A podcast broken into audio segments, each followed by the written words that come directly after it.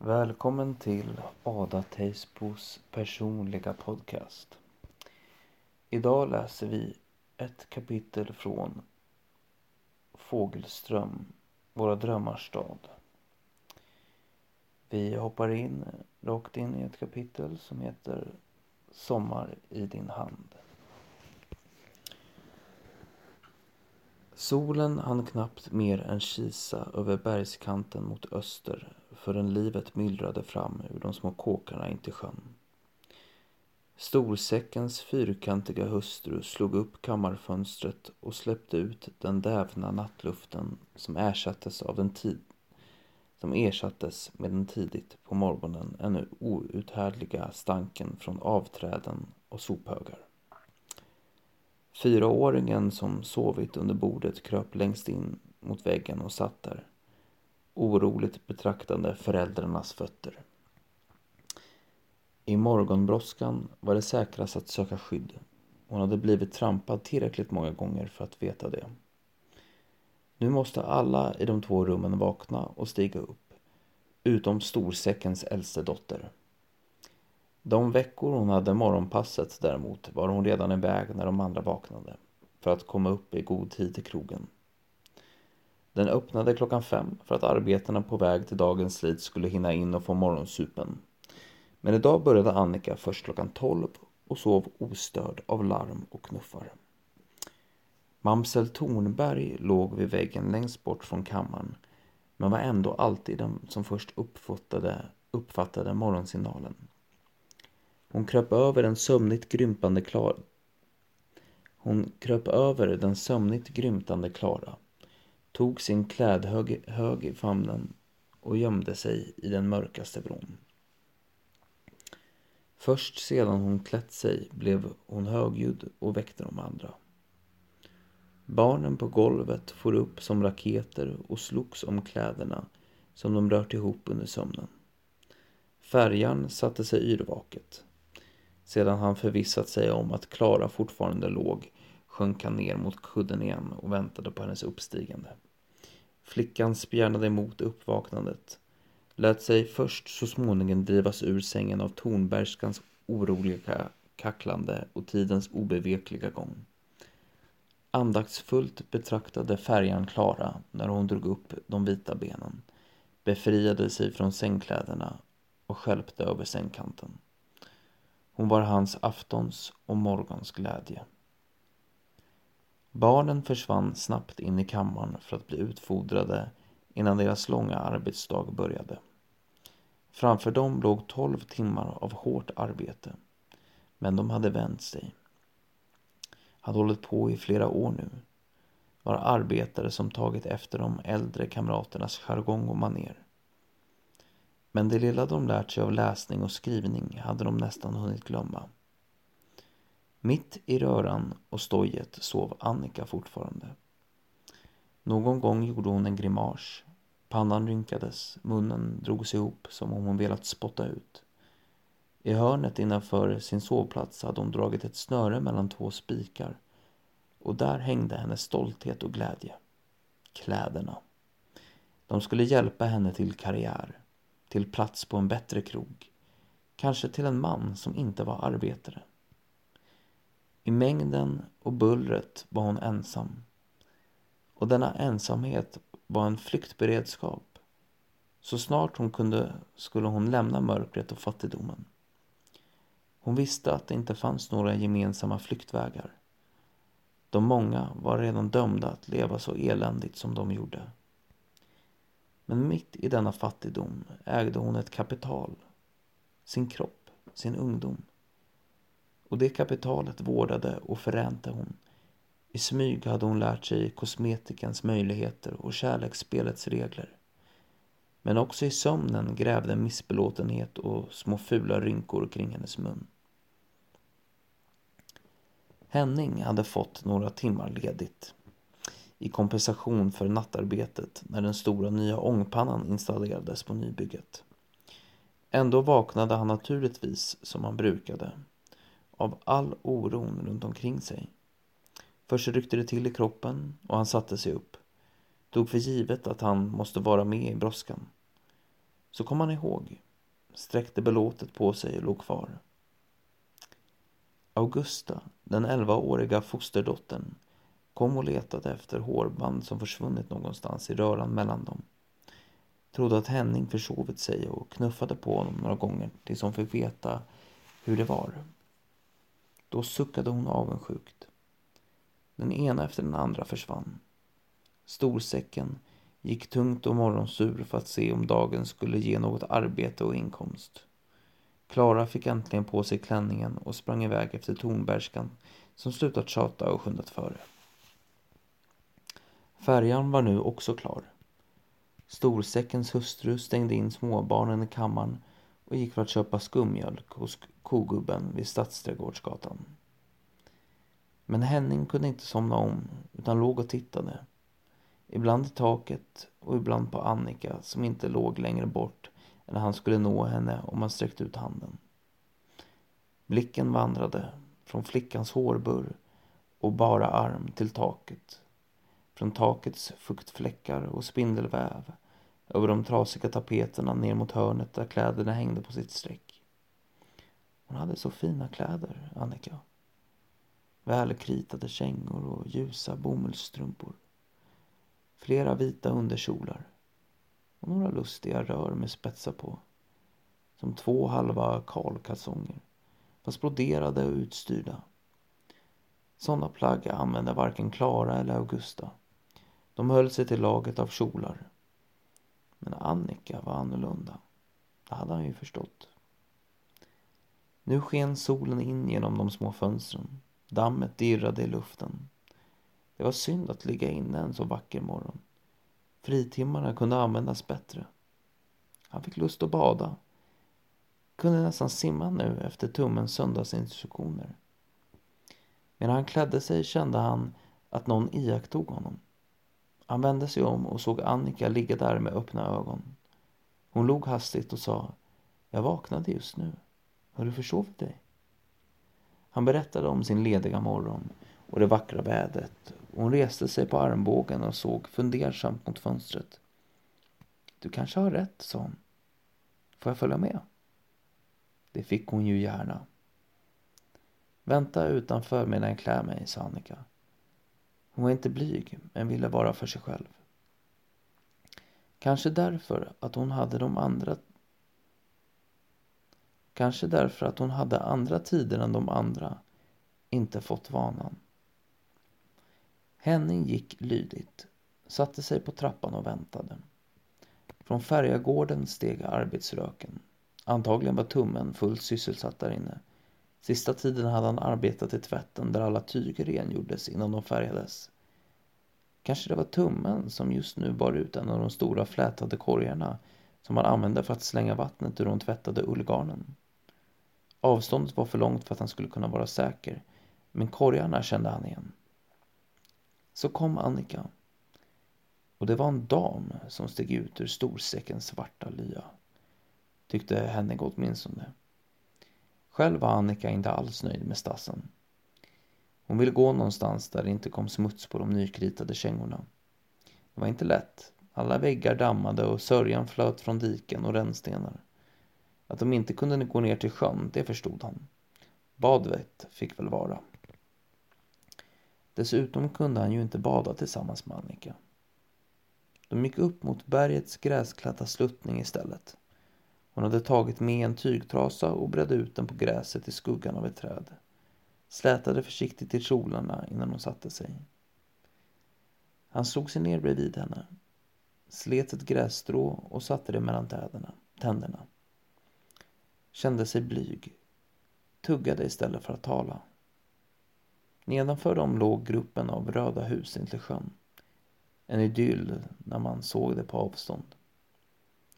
Men Annika vred ansiktet till en misslynt grimas och sa Jag hatar det. Jag måste härifrån. Så hade han själv tänkt ibland när han gått hos mjölnaren. Han hade längtat från kvarnen till staden. Hit. Och Annika längtade härifrån. Vart? Varför, undrade han.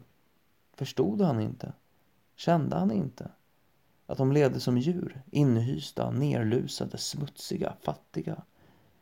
Hade han någon gång sett välgörenhetstanterna som kom åkande och som blev så illamående av fattigdomens stank att de inte ens steg ur vagnen. Jo, han visste. Han lånade några av tummens ord. Revolutionen, upproret som måste komma.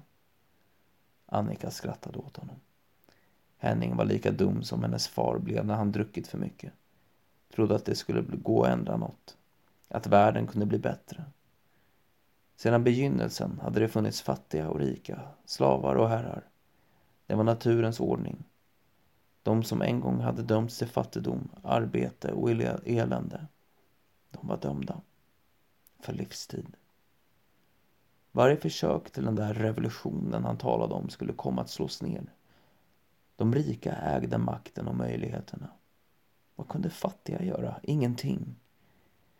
Nej, revolutionen var bara en dum dröm. Men det fanns en möjlighet för några få. För en pojke var det nästan omöjligt att lyckas. Men en flicka som kunde sköta sig och sitt på rätt sätt. Många fina herrar hade gift sig med värdshusflickor och dansöser. Eller åtminstone tagit dem som älskarinnor. Medan hon talade såg han i smyg på henne. Annika var inte alls lik sina föräldrar. Hade inget av deras tunga kraft och kantighet. Skulle kanske få, hon var ju bara 15 år ännu. Men nästan kusligt vuxen i sättet att tala och röra sig. Så medveten om sin kvinnlighets penningvärde. Hon hade hastigt blivit vuxen och stelnat, blivit hård. Men var det rätt? frågade han. Fraktfullt fnyste hon åt ordet. Rätt? Den fattiga har ingen rätt och därför rätt att göra vad som helst för att fly sin fattigdom. Och Henning kom ihåg vad han hört berättats om branden på fattiggården där hemma. Hur de gamla och sjuka klättrat på varandra för att komma ut. Hur de slagit ner varandra. Det gällde att rädda sig. Den som inte trampade blev trampad. Det fanns ingen rätt då, ingen lag. Var det så i den stora fattiggropen också? Men han hade aldrig funnit tillvaron så outhärdlig som Annika tydligen tyckte att den var. Han slet hårt och fick betalt dåligt. Han åt dåligt, sov trångt på golvet och hade inga snygga kläder. Han ägde ingen säkerhet och inga löften om en bättre morgondag. Men han levde. Och livet var fortfarande ett äventyr. Annika hade hittat en liten, liten fläck på underkjolens spetskant. Hon skrapade och gnodde. Blev mer och mer missbelåten. Var som om den lilla fläcken bredde ut sig och förkvävde solen och sommaren. Hon blev till slut alldeles förtvivlad, röd av ilska. Hur kunde fläckarna kommit dit? Vem var det som försökte förstöra allt för henne? Dra ner henne i smutsen? Kanske Augusta hade varit och petat på underkjolen. Den ungen var så klåfingrig, så omöjlig. Plötsligt började Annika gråta. Över att hon förlorat igen. Över att smutsen krälat sig över henne. Allt, varje öre offrade hon för att bli fin och ren. Henning kunde inte ana vad det kostade henne i pengar och förutmjukelser. Hon var i ständig strid med sina föräldrar, fick ljuga om vad hon tjänade. Hon måste vara tillmötesgående mot kladdiga gubbar, mjöliga bagare och svarta sotare för att få så stora drickspengar som möjligt. Hon måste använda varje ledig stund till att vårda sina kläder, sitt ansikte och sina händer. Därför att utseendet var hennes enda möjlighet och språngbräda. Och det fanns ingen som hon kunde tala med. Hon hatade, hatade, hatade och grät. Fumligt försökte Henning trösta henne. Det var ju så litet han kunde göra. Han kände sig så ung, dum. Han lyssnade, deltog. Men kunde det göra henne någon glädje? Fläcken är så liten, sa han och höll den spetsprydda volangen i handen. Den syns knappt. Bara lite vatten, en aning såpa. Sedan är den borta. Hon upphörde att gråta och jämra sig lika plötsligt som hon börjat. Tittade intresserat. Det var kanske inte så farligt. Det skulle nog gå bra. Nu höll han hennes hand också i kjolkanten. Hon måste titta riktigt noga. Övertyga sig om att fläcken verkligen var så obetydlig. Och samtidigt som han flyttade sin hand sköts hennes fram. Båda skulle de skrapa med nageln samtidigt. Hand nådde hand. Hennes fingrar liksom gled in under hans handflata. Och hon släppte löst ett litet generat skratt och vred sin hand så att den trycktes mot hans, flata mot flata. Henning kände hur han rodnade, av förvirring och upphetsning. Han vågade inte röra sin hand men tryckte den, men tyckte att den vilade mot hennes som kropp mot kropp. Det som jag har sagt till dig att jag inte sagt till någon annan, sa Annika. Det jag har sagt till dig har jag inte sagt till någon annan, sa Annika. Lustigt, eller hur? Vi har ju knappast sagt ett ord till varandra förut. Han nickade bara. Därför att man vågar tala med dig, fortsatte hon. Man vet det utan att känna dig. Konstigt, men så är det. Hon skrattade igen och tycktes helt ha glömt fläcken. Så tog hennes hand om hans och vände den. Hon gled med fingertopparna över hans handflata och han skakade till av den plötsligt kittlande känslan. Du har en så fin hand, sa Annika mjukt. Du borde inte arbeta och förstöra den. Men arbetet väntade på honom. Han måste strax gå. Han fick bära tegel den dagen och ryggen värkte och händerna blev sträva, röda och skrapade. Medan han bar tänkte han på Annika i ljus klänning och vita kängor. Hennes mjuka skinn av glänsande hår, doften av parfym och nystrukna kläder. Medan han kände tyngden av bördorna tyckte han att han ville arbeta hårt, slita sig till en bättre lön och ett bättre liv. Så bra att han skulle våga be Annika dela det med honom. Men medan timmarna gick och han blev allt tröttare och armar och rygg ömmade, då kom förvisningen om att ett slitet aldrig skulle ge utdelning. Att Annika hade haft rätt när hon sagt att de som dömts till fattigdom och arbete var dömda för evigt. Då visste han att ingen blev rik på att arbeta hårt. Nej, man blev bara fattigare. Allt mer nersliten, utpinad och förstörd. Då såg han de äldre kamraterna runt omkring sig. Hur trötta och trasiga de var. Hur hårt dömda. Och revolutionen, den var bara en dröm. Långt borta. Medan han bar såg han Annika försvinna in i en värld dit han inte skulle kunna nå. I ljus klänning och med snurrande parasoll vandrade hon in bland de rika och förnärma som inte behövde arbeta därför att de redan hade allt de kunde önska sig. Makt och rätt, slavar och egendomar. Hon kunde ta sig in till dem därför att hon hade något att sälja. Sin skönhet, sig själv. Försiktigt och samtidigt fräckt skulle hon köpslå och schackra det som fick det mesta möjliga av sin valuta. Hon skulle vinna allt vad de hade.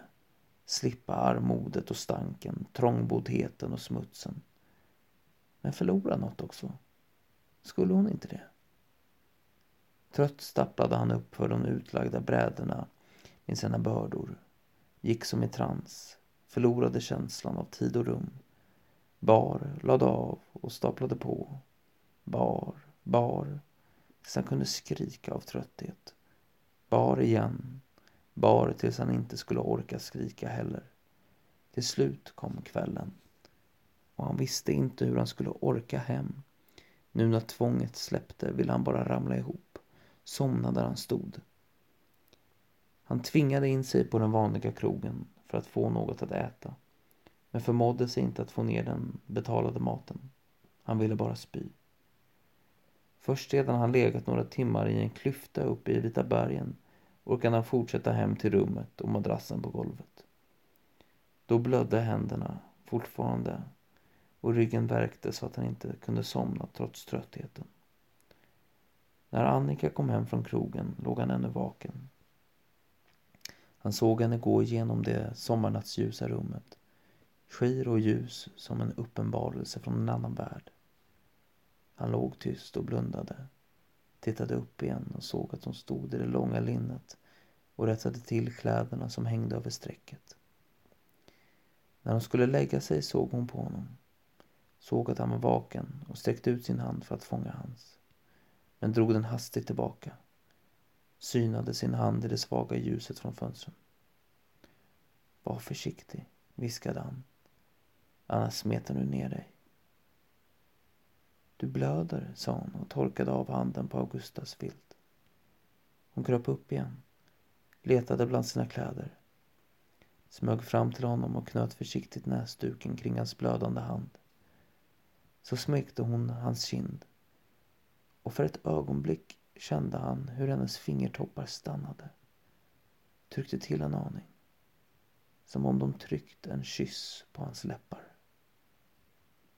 Annika var borta igen. Men han orkade inte se efter henne utan kände bara hur han föll ner i vanmakt och sömn. Hur glädje och bitterhet blandades i allt utplånande mörker.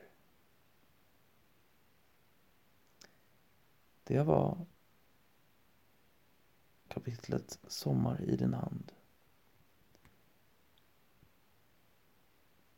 Vi hoppas att vår lyssnare Ada Teisbo ska komma tillbaka till vår podcast då vi fortsatt siktar på att ha en lyssnare under sommarens dagar.